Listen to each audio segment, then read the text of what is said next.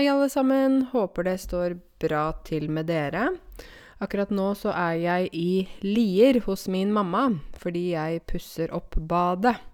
Og når vi pusser opp bad, da er det litt vanskelig å være hjemme. For da har man ikke dusj og ikke toalett og ikke vann. Så nå er jeg uh, ute av hjemmet mitt i ca. en måned. Så jeg har bodd en uke på Airbnb i Oslo, og så nå er jeg hos min mor i et par uker. Så det blir veldig deilig med nytt bad. men nå er det altså ikke hilsen fra Oslo, men det er hilsen fra Lier. Um, I denne podkastepisoden så skal jeg gå inn på kapittel nummer to i dette samfunnsfagkurset, 50 timer. Da skal jeg snakke om uh, geografi og levesett og ja, tradisjoner, livssyn, historie og sånne ting.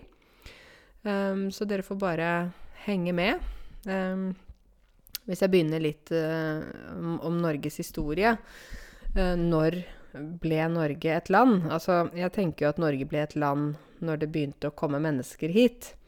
Um, og det var jo da uh, når den siste isen smeltet. Altså den siste isen smeltet for ca. 10 000 år siden.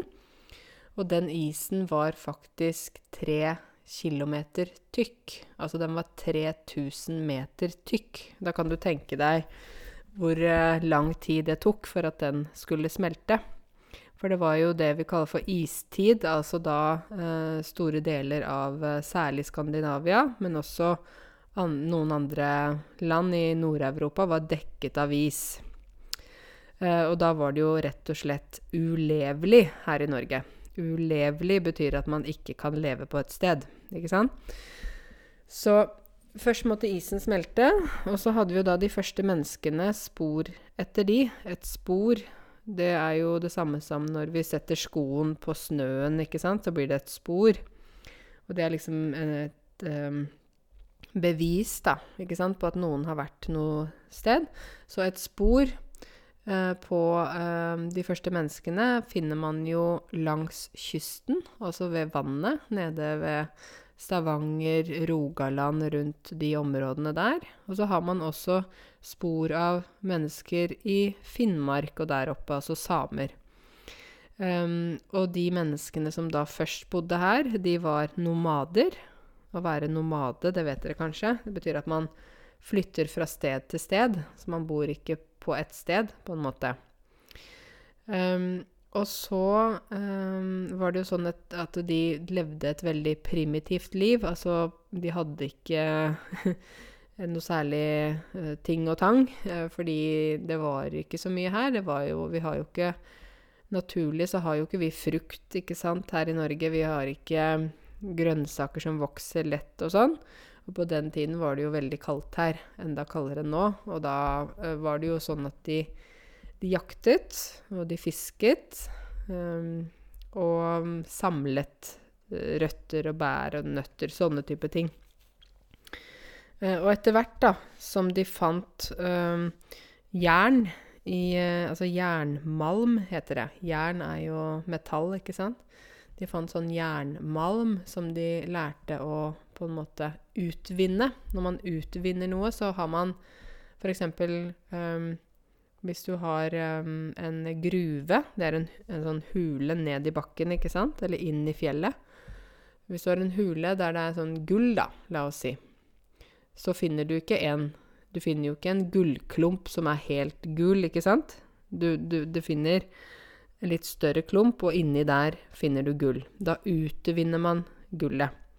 Akkurat som uh, Uh, her i Norge, når de fant jernmalm Det kan de jo søke på. Jernmalm.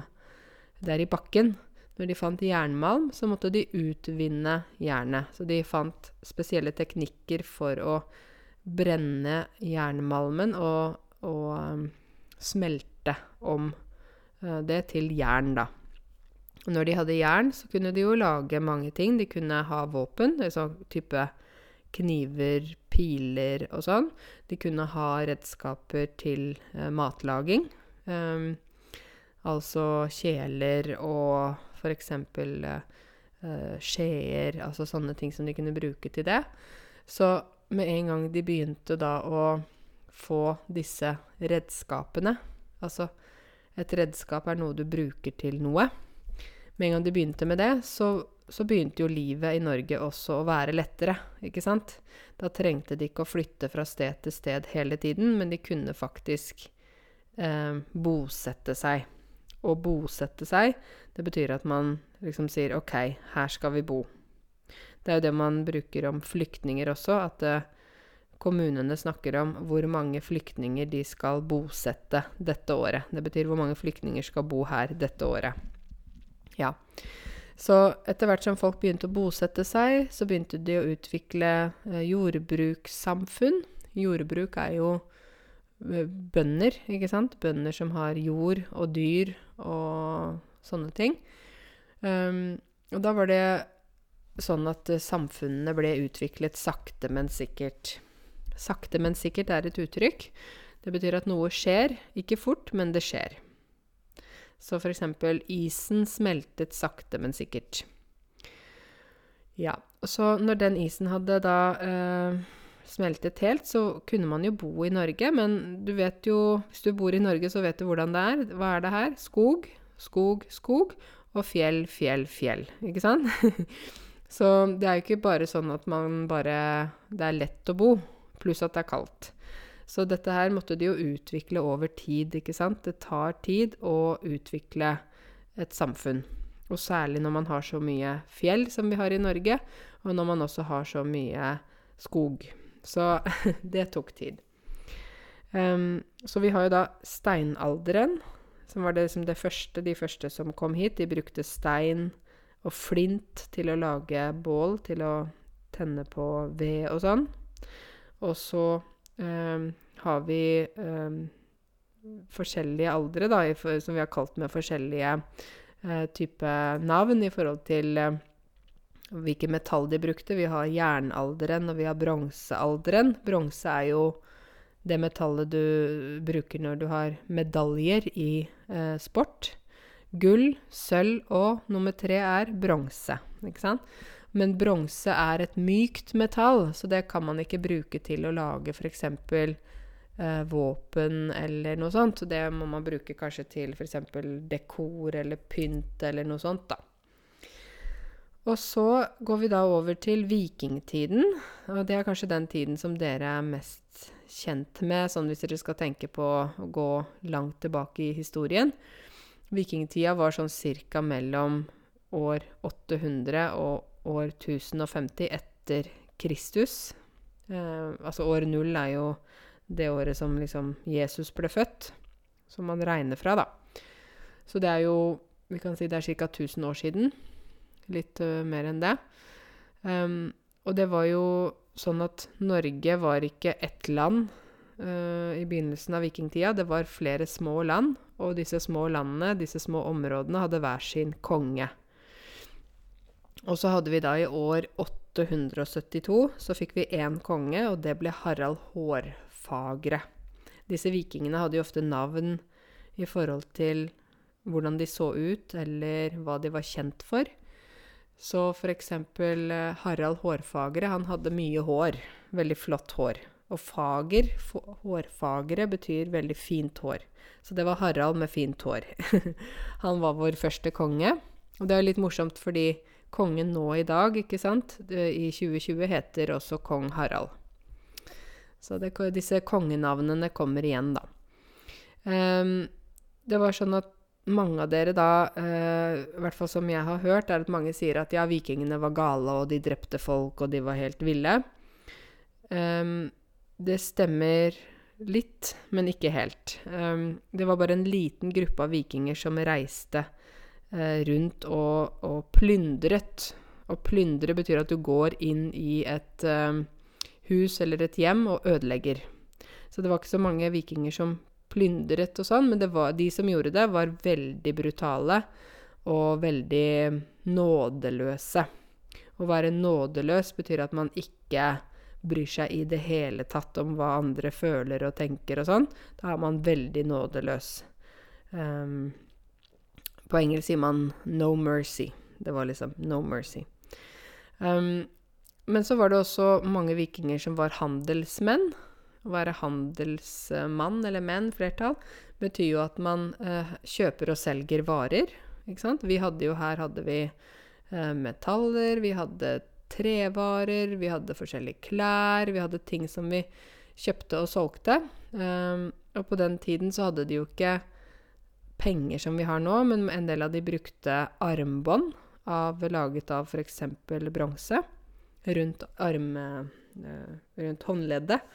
Og så kunne de klippe av en bit av det armbåndet, eller så kunne de bytte, ikke sant. Det var på en måte som en slags byttehandel, da. Eh, og så var det de fleste av vikingene, og det er det som på en måte folk kanskje ikke vet, det var at de var bønder. Å være bønder, eller en bonde, betyr at man bor på bondegård. Man har husdyr, hest og ku og sau og gris og sånn, og man eh, lever av det. Eh, og de vikingene var også veldig flinke håndverkere. Håndverkere er jo de som jobber med hendene. F.eks. i dag har vi jo snekker, elektriker, rørlegger og sånn. Um, og vikingene var veldig flinke til å lage ting. De lagde jo noen skip som var helt utrolige, hvis man tenker på at de ikke hadde verktøy, de hadde ikke maskiner, de lagde det for hånd. Og disse skipene var veldig solide, og vi har jo flere vikingskip som har blitt funnet i ettertid. Ettertid betyr eh, mye senere. Og de vikingskipene kan man jo se på Vikingskipmuseet på Bygdøy i Oslo. Og det er ekte skip. Uh, og da kan man se hvordan de så ut. De var breie, lange, og foran hadde de et dragehode. For var, vikingene hadde jo sin egen religion. Og det er også noe som er litt sånn, syns jeg er viktig å huske på, er at vikingene hadde uh, en religion som var en polyteistisk religion. En polyteistisk Poly betyr mange, og te, tei, teo betyr gud. Det betyr mange guder. Så vikingene trodde på mange guder. De hadde guder for forskjellige eh, temaer. Akkurat som man også finner i eh, Hellas, som man finner i Egypt og mange andre eh, sivilisasjoner. Så vi hadde forskjellige guder. Eh, den øverste guden var Odin. Han var liksom guden for visdom. Og så hadde han eh, en sønn som het Thor, og han var guden for kamp og krig og ja. Og så hadde du Frøya, som var guden for gudinnen. Gudinne heter det når det er eh, dame. Eh, gudinnen for kjærlighet. Og så hadde du mange sånne guder. Det kan du jo lese om. Da kan du søke på norrøn mytologi. Da finner du mye informasjon om det. Veldig interessant. Uh, de pleide, pleide å ofre til gudene. Når man ofrer noe, betyr at man dreper et dyr uh, og gir det til gudene. Det skjer jo fortsatt noen steder i dag, at man ofrer f.eks. Um, ehm, man ofrer Man har jo id, dere muslimer. Man har store id og lille id. Og da ofrer man jo eh, lam eller sauer, da. Ja. Så det er sånn, ja. Og så var det sånn at eh, i Europa på 1000-tallet så var det eh, Altså 1000 år tilbake så var det jo eh, en oppblomstring av kristendom. En oppblomstring betyr at noe begynner å bli mer og mer og mer. Så det var en oppblomstring av kristendom, og det var da korsfarere som reiste rundt i Europa og øh, tvang folk til å bli kristne. Jeg syns jo dette er veldig egentlig forferdelig. Uh, de kom på hester. De hadde uh, sånn hvite drakter med sånn kors på og sånn. De var korsfarere. På engelsk sier man 'crusaders'. Og de, um, de var også veldig brutale. Og, og de uh, tvang folk til å bli kristne. Og så hadde vi da en av våre konge på den tiden, han hadde selv blitt kristen. Ikke sant? Sånn at når han da uh, var kristen, så ville han jo at, uh, at Norge også skulle bli et kristent land. Så han het Olav. Olav heter jo da pappaen til vår konge nå, Harald. Um, og det var et slag på Stiklestad i 1030. Et slag betyr ikke krig, men med, som, altså når folk slåss, slår hverandre og kriger en dag, to dager. Så det var et slag på Stiklestad i 1030 som de kristne da, eh, med Olav, eh, vant. Og det betyr da at kristendommen eh, ble den nye religionen i Norge. Så har dere kanskje sett stavkirker. Sånne de fine kirkene, de gamle, gamle kirkene.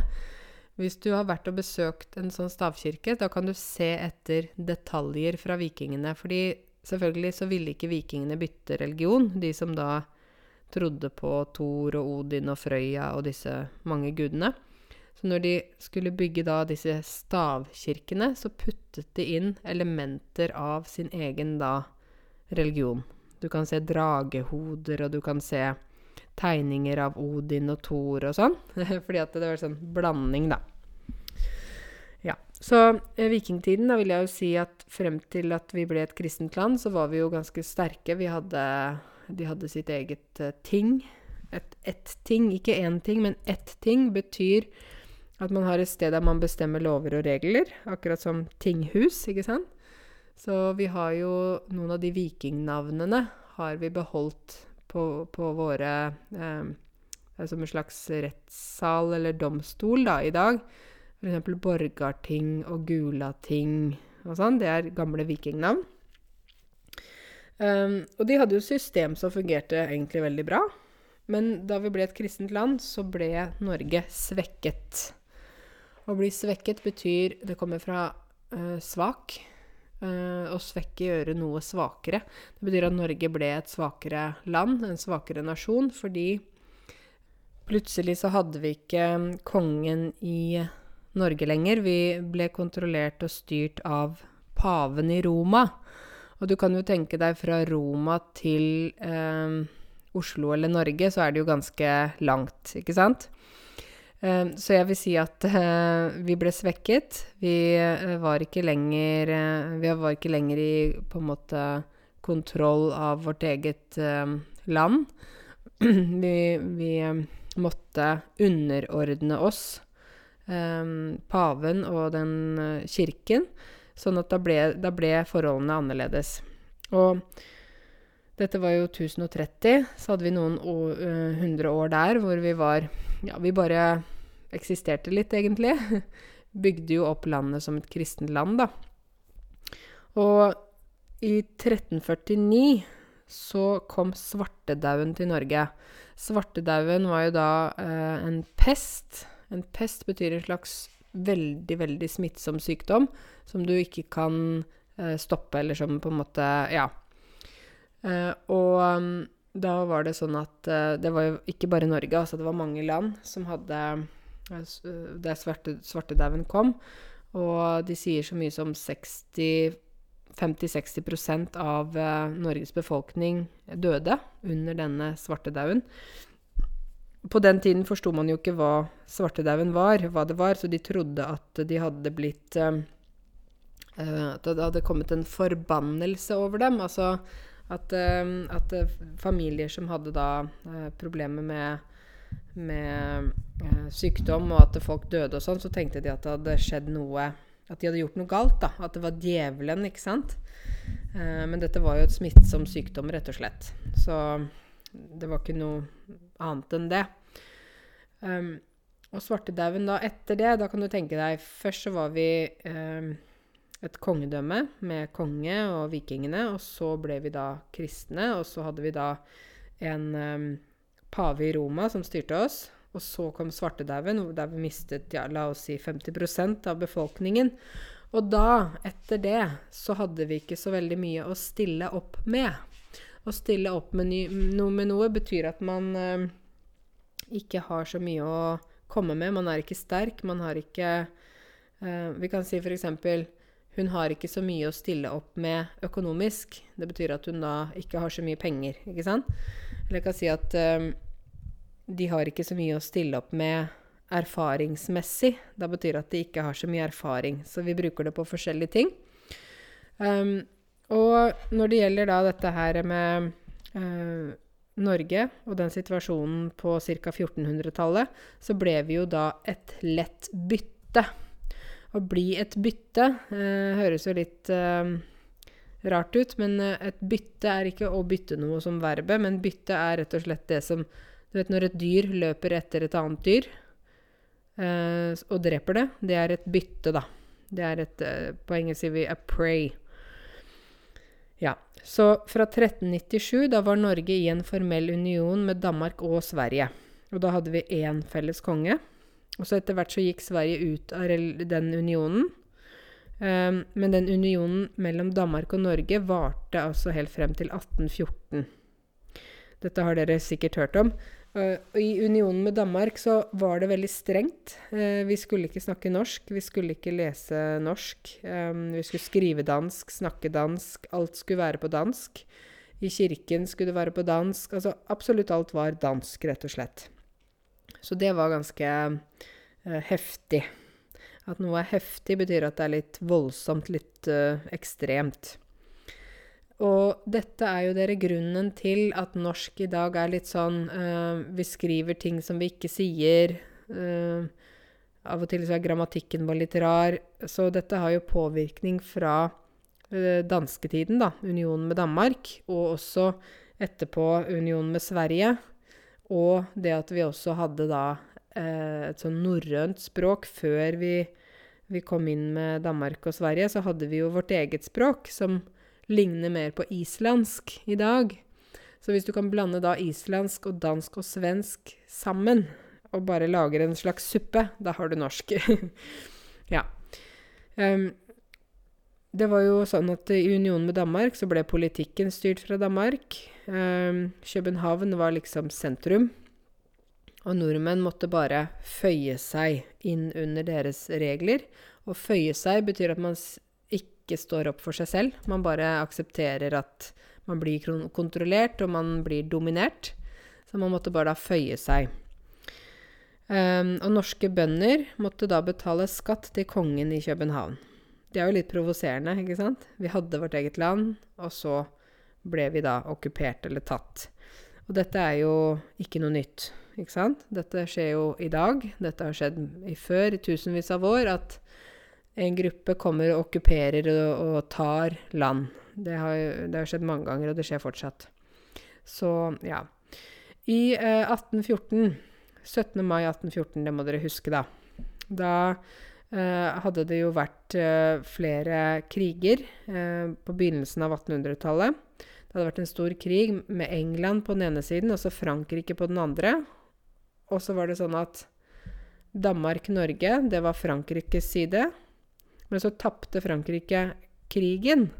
Og da måtte den danske kongen gi Norge til Sverige, som hadde stått på Englands side. Så det var litt sånn Litt merkelig, egentlig, men, eh, men det var eh, eh, en sånn Hva kan vi si? En eh, overføring fra Danmark til Sverige. Så da ble det ikke Danmark-Norge. Det het faktisk Danmark-Norge. Da blir det eh, union mellom Norge og Sverige. Um, så fra 1814 så ble unionen mellom Danmark og Norge oppløst. At noe blir oppløst, betyr at det blir ingenting. Du vet når du putter um, sånn um, Hvis du putter salt i vann og koker opp, da blir saltet oppløst. Det blir borte. Så unionen ble oppløst mellom Norge og Danmark. Og da var vi med Sverige. Så vi var nesten som en, det vi kaller for en kasteball. En kasteball Nå kom det mange uttrykk her. en kasteball er da eh, en ball vi kaster, men vi, vi, vi, snakker egentlig ikke om ball. Vi snakker om eh, noen som ikke hører hjemme noe sted. Hvis vi kan si at eh, noen barn er kasteball mellom foreldra sine. En uke hos mamma, en uke hos pappa, en uke hos mamma, en uke hos De er kasteball vi kaster frem og tilbake. Og Norge ble en kasteball da mellom disse landene, ikke sant? Men det som var bra eh, med unionen med Sverige, var at vi hadde mer eh, frihet. Um, svenskene var ikke så interessert i Norge, ikke på samme måte som uh, Danmark hadde vært interessert i Norge. vi fikk lov til å lage vår egen grunnlov, så den ble jo da signert på Eidsvoll. Dere har kanskje hørt om at det var 102, 112 mektige menn fra de sørlige landsdelene fra sør som kom sammen eh, på Eidsvoll. Så var det også noen som kom fra andre steder, men de, noen av de kom litt for seint. Så hadde vi utenrikspolitikken. Altså Utenrikspolitikk betyr jo politikken som handler om det internasjonale. Det ble styrt fra Sverige. Og kongen var svensk, men vi, vi hadde mer frihet. Det var ikke så strengt. Og så er det liksom morsomt da, at den svenske kongefamilien oppholdt seg. Å oppholde seg betyr å være i. De oppholdt seg i Sverige, men av og til kom de jo til Oslo. Vi fikk bygget et slott. Um, var et slott der, ikke sant? Slott i Oslo. Og de pleide faktisk å ta med seg sølvtøyet sitt fra Sverige til Norge og tilbake igjen. Sølvtøy er da kniv og gafler og sånn av sølv. Så det betyr da at de, de bodde liksom ikke der, de var, de var bare innom. Ja. Um, og så er det jo uh, På 1800-tallet også så begynte jo det bli en sånn språkdebatt mellom uh, uh, folk som mente at det liksom eh, Vi må ha to offisielle målformer. Vi må også ha samisk og kvensk, men vi må ha bokmål og nynorsk. Og da hadde vi Ivar Aasen, som var da nynorskens far. Og så hadde vi mange andre viktige eh, folk på bokmålsiden, da. Og disse her hadde sånn skikkelig debatt om om vi skulle ha to offisielle skriftspråk, eller bare ett, eller skulle vi ha riksmål, eller skulle vi Ja, det, og det er fortsatt debatt i dag om nynorsk bokmål. Skal vi ha begge deler, skal vi ikke ha det? Ja. Jeg tror det er en evig debatt. Det blir aldri ferdig. ja. Så nå uh, bruker vi jo bokmål og nynorsk hvis du bor i en bokmålkommune, som er de fleste kommuner, og fleste av dere også skriver bokmål så er det det som er dominerende på skolen, men da må de lære nynorsk. Og har de nynorskkommune, så må de lære bokmål. Og de fleste ungdommer syns dette er utrolig irriterende. ja. Um, på midten av 1800-tallet så bodde 70% av befolkningen vår på landsbygda. De hadde det ganske tøft. De levde av jordbruk, også, ikke sant, med jord og korn og sånne ting, og kuer og sauer og sånn. Og så fiske. Og livet var hardt. Vi hadde høy barnedødelighet. Folketallet økte likevel, men det var ikke nok jobb til alle. Så da begynte det å skje forandringer i byene, og så begynte det å bli flere og flere fabrikker. Fabrikker av forskjellig slag. Vi produserte um, en del ting av metall. Vi produserte fyrstikker. Vi produserte um, ja, en del tekstilindustri. Det var mye. Og det begynte jo selvfølgelig langs elvene. Det var jo der det var eh, eh, Da kunne man få eh, strøm, ikke sant, fra vannet, på en måte. Så da var det mange som flyttet fra bygda og inn til byene. Og da eh, bodde de jo veldig trangt. De bodde mange i en eh, leilighet. Det var jo sånn at jeg hadde en leilighet på Tøyen i Oslo før. Min første leilighet. Og da jeg bodde der, så var det Vi hadde fem etasjer. Og det var vel ti leiligheter. Uh, ja, ti leiligheter. Og da bodde vi vel 20 eller 25 mennesker i de ti leilighetene til sammen. For det var jo familier og sånn. Men jeg fikk informasjon om at uh, for 200 år tilbake så var det da ca. rundt 200 mennesker som bodde i de samme leilighetene. Ikke sant? Det er ganske forskjellig. Så da sov de på gulvet. Uh, de, de, delte leiligheten, for det var trangt, og, og, de hadde ikke mye penger. Og livet i byen var veldig vanskelig. Det var hardt, det var lange dager, det var dårlig boforhold, altså dårlig hus og sånne ting. Familien hadde mange barn, og det var faktisk ganske vanlig med barnearbeid. Um, men også da, i den perioden, så var det en del nordmenn som tenkte at vet du hva, livet i Norge er så vanskelig. Så jeg tror jeg heller vil eh, stikke av. og stikke av betyr å dra. Så de utvandret. Van, ikke, sånn, ikke innvandret, dere kjenner jo det, innvandrer, men utvandret til USA. Og da var det mer enn 800 000 nordmenn som utvandret til USA. Det er mange mennesker, da. Um, og så eh, Da hadde vi jo en sånn veldig stor utvandring der. Og vi har jo også fortsatt eh, veldig mange som har, bor i USA i dag og har slekt i Norge, ikke sant? Fordi deres tipp-tipp-tippoldefar eller noe sånt, de kom til Amerika, så, altså var nordmenn, da. I 1905 så ble unionen med Sverige oppløst. Igjen dette verbet å oppløse. Da hadde det vært mye uenighet mellom det norske stortinget og kongen i Sverige. Og så etter hvert så sa vi i Norge at nå må vi få et selvstendig land. Så 7.6.1905 så sa den svenske kongen at nei, jeg er ikke Norges konge. Og unionen med Sverige er oppløst. Og i Sverige så var det veldig voldsomme reaksjoner. Folk ble veldig sinte. Og det var nesten sånn at det ble krig mellom Norge og Sverige. Men så eh, klarte de da å finne ut at eh, den nye staten i Norge skulle være et monarki, ikke en republikk. Og vi skulle ha konge. Men så det som er litt morsomt, var at vi hadde ikke en person som passet til å være konge. Så da tok vi en prins fra Danmark. Jeg syns det er veldig litt sånn rart. Eh, prins Carl het han, og så tok han da nytt navn kong Haakon. Kong Haakon den syvende ble Norges konge fra 1905 og til 1957, da han døde. Han var dansk, men han var veldig lojal og dedikert til Norge som land. Han var eh, Altså, hans bror var jo allerede konge i Danmark, så han gikk 100% inn for at jeg er nå konge i Norge. Det er min jobb, og det er min plikt.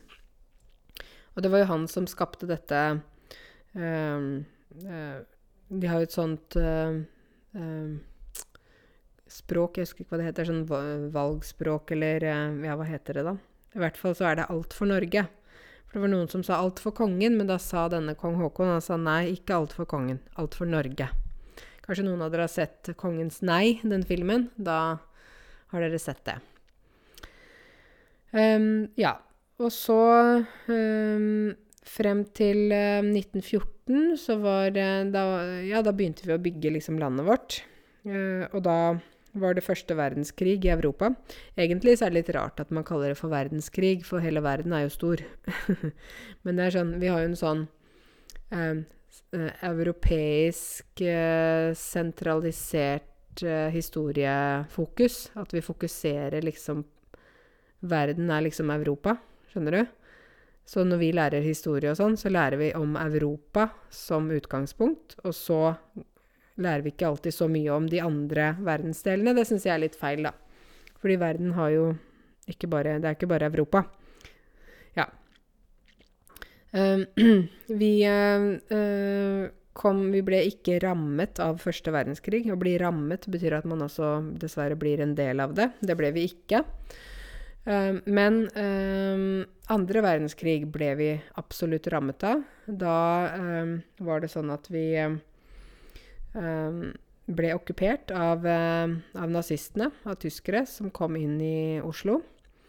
og Norge ble da okkupert 9.4.1940. Um, og det var ganske dramatisk. Det var jo sånn at kongen og regjeringen flyktet til England. Og kongen styrte faktisk eh, Norge derfra. Det var kongen som folk lyttet til, fordi statsministeren ga opp og bare sa nei, jeg vil ikke være statsminister, jeg orker ikke dette, jeg gir opp. Så da sa kongen ok, greit, da får det være meg. Og det er jo litt sjeldent at det skjer i eh, et sånt konstitusjonelt monarki som Norge, der kongen ikke har noe makt.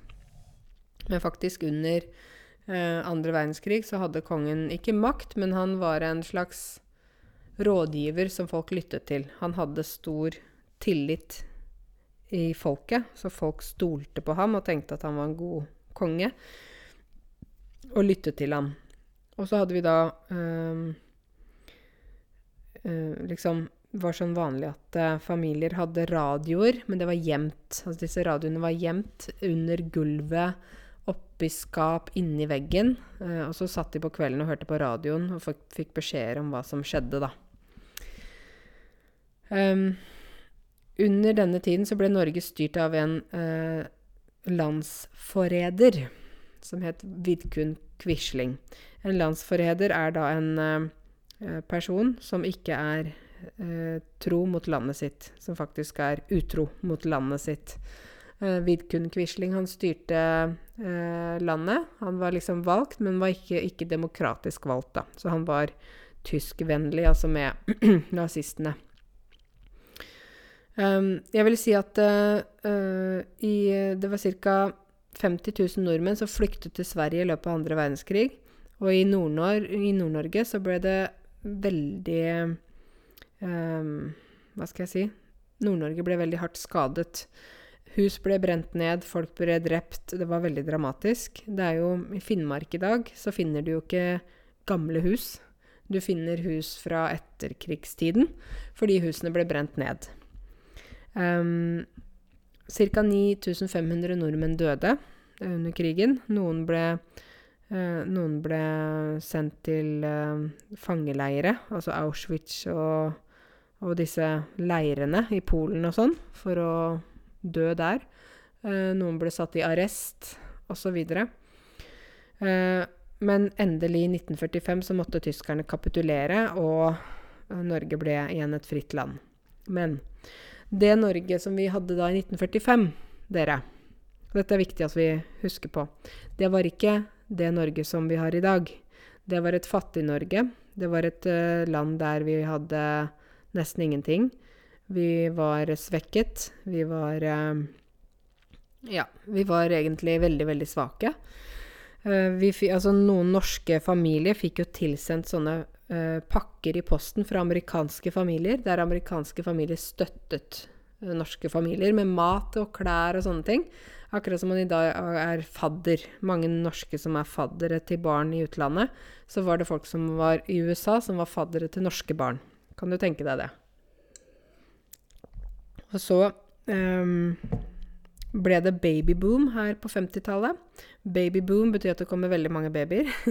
Jeg tror folk endelig var glad og masse kjærlighet og lagde mange barn. og da måtte de bygge boliger. Så da ble det egentlig hastverk. At det er hastverk, betyr at noe skjer fort. Det ble hastverk for å få bygd mange boliger fordi eh, de måtte ha sted å bo. Og da kommer dette ordet dugnad.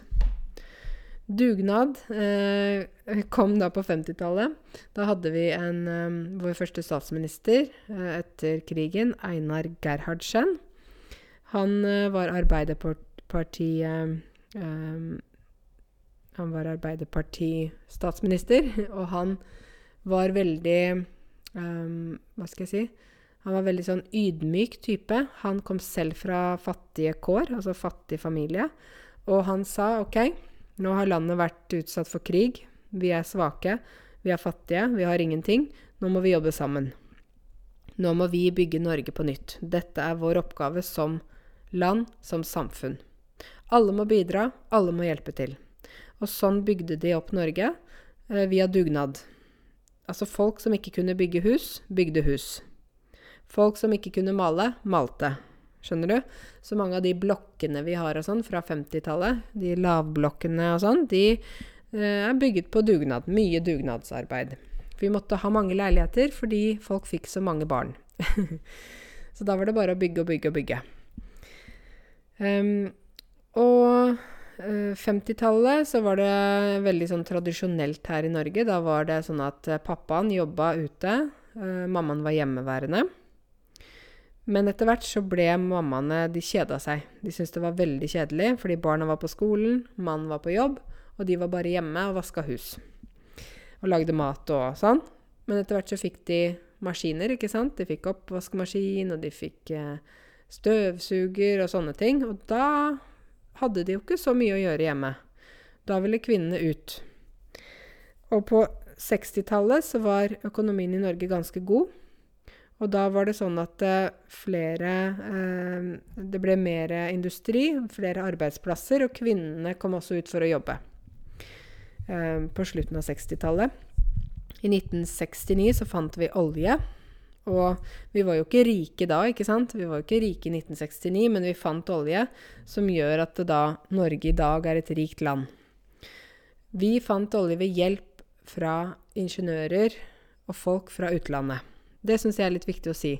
Hvis ikke vi hadde hatt folk fra utlandet eh, Det var bl.a. noen oljeingeniører fra Iran, vet jeg.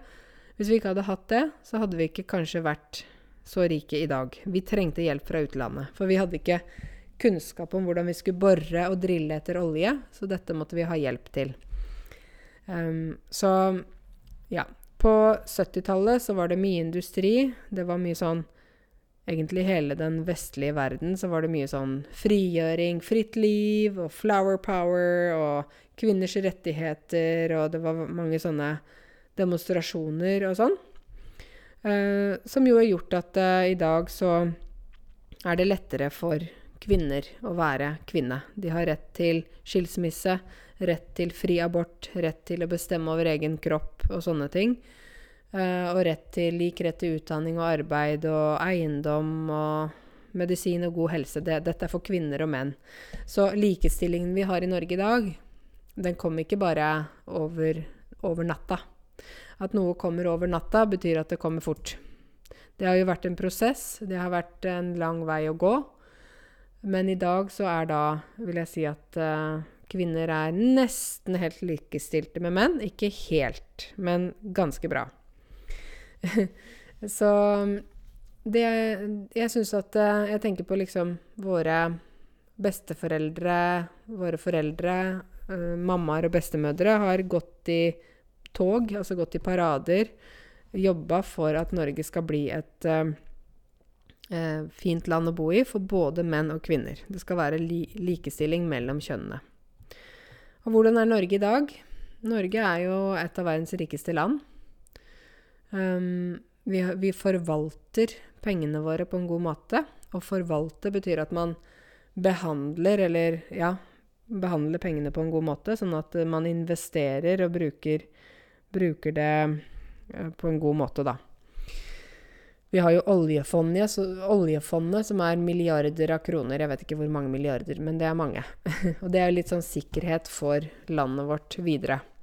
Så når uh, vi betaler veldig mye penger for bensin og sånne ting, så er det rett og slett fordi at vi sparer penger til oss selv. Og noen syns det er ekstremt dyrt, og jeg er enig, det er veldig dyrt med bensin og diesel. Men vi har også mye avgifter på bensin og diesel, og da blir det dyrt. Ok, litt om geografi. Det var mye historie. Jeg elsker jo historie, så jeg kan jo snakke så mye om det. Men for meg så er det sånn at historien for, forklarer livet i dag. Så for å forstå meg selv og for å forstå samfunnet vi lever i, så må jeg også forstå hva som har skjedd før. Sånn tenker jeg da. Litt om geografi. Um, Norge har da et uh, flateinnhold, altså areal, på 385 199 kvadratkilometer. Uh, størrelsen på Norge er mindre enn Thailand, Irak, Tyrkia og Somalia. Men Norge er et langt land. Så det er samme avstand mellom Oslo og Paris som det er mellom Oslo og Tromsø. Og Norge grenser til eh, flere land. Vi grenser til Sverige. Vi grenser til Russland. Vi grenser til Finland. Og så grenser vi på en måte sjøgrense til Danmark, da. Um, vi har um, vi har uh, landsdeler, fem landsdeler. Nord-Norge, Trøndelag, Vestlandet, Sørlandet og Østlandet. Fem landsdeler. Og fylker. Da har vi elleve fylker. Dette er nå nytt. Ikke sant? Det har vært sånn uh, kommunesammenslåing og nye fylker og sånn. Så nå i 2020 så har vi da i Nord-Norge har vi tre fylker. Nordland, Troms og Finnmark. Og Trøndelag er nå bare Trøndelag. Før så var det Nord- og Sør-Trøndelag. Vestlandet er nå Vestland, det er et nytt fylke. Rogaland og Møre og Romsdal. Sørlandet er Agder. Og Østlandet Vestfold og Telemark, Viken, Innlandet og Oslo. Var, det er nytt selv for meg.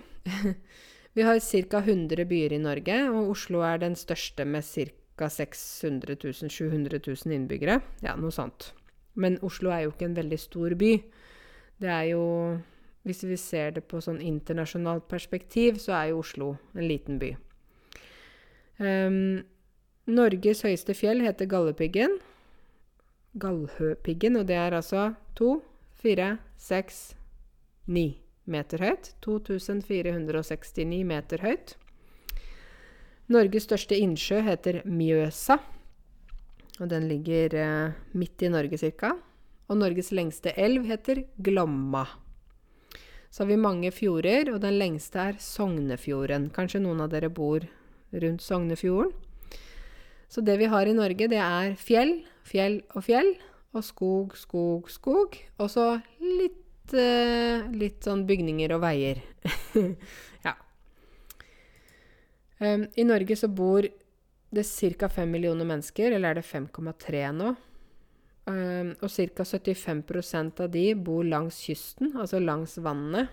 Det er jo ofte sånn at byene er jo langs vann, ikke sant? Og da er det naturlig at man bor der, fordi der er det det er der byene har blitt utviklet. Hvis du tenker på eh, Bergen, Stavanger, Tromsø, Oslo. Det ligger langs kysten, altså ved vannet. Ca. 50% av Norges befolkning bor på Østlandet. Og ca. 17% av befolkningen i Norge har innvandrerbakgrunn. Det er enten da innvandrere som har kommet til Norge eh, ikke er født i Norge. Og så er det også norskfødte barn av innvandrere. Altså barn som er født i Norge, men foreldrene kommer fra et annet land. Så det var litt om eh, bosetting. Og klima, hva skal vi si om klima, da? Vi har fire årstider. Vår, sommer, høst og vinter.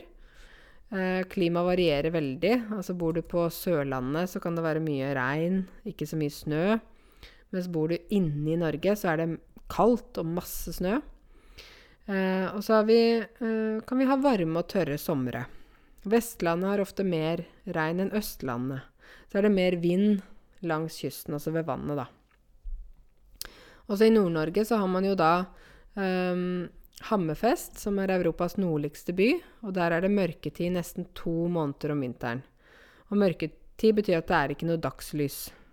Og så om sommeren så er det Eh, ikke det. Da, da, er det midnattssol, og da er det lyst hele sommeren. Så det, det er sikkert noen av dere som bor i Nord-Norge, som kjenner til dette her. Så klimaet er jo kanskje litt tøft for en del av dere. Det har vært kanskje stor overgang. Altså det har vært noe helt nytt å komme hit med det klimaet. Tradisjoner og høytider er det også i dette kapitlet. Jeg skal snakke bare kort om det. Uh, vi har noen merkedager altså fridager.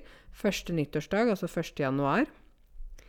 Kvinnedagen 8. mars, men det er jo internasjonalt. Så har vi påske i mars eller april. Um, og vi har jo disse kristne feriene, selv om Norge nå ikke har en statskirke. Det også er litt, kanskje litt rart. Kristi himmelfart og pinse. Så har vi den internasjonale arbeiderdagen. Det er jo 1. mai. Så har vi vår patriotiske nasjonaldag, 17. mai. Det er jo en fin dag i Norge. Så har vi jul, og det er i desember, og da feirer uh, de fleste nordmenn jul. Um, det er en familiefeiring der man bruker tiden på å være sammen med familie og venner. Og så er det 24. desember, det er julaften. Det er liksom veldig sånn familiedag, da. Det er ikke vennedag. så har vi nyttårsaften. Og så er året slutt. Og så er det noen tradisjoner og merkedager som ikke følger kalenderen, og det er da selvfølgelig bursdag. Vi feirer bursdag. Vi feirer bryllup. Eh, dåp.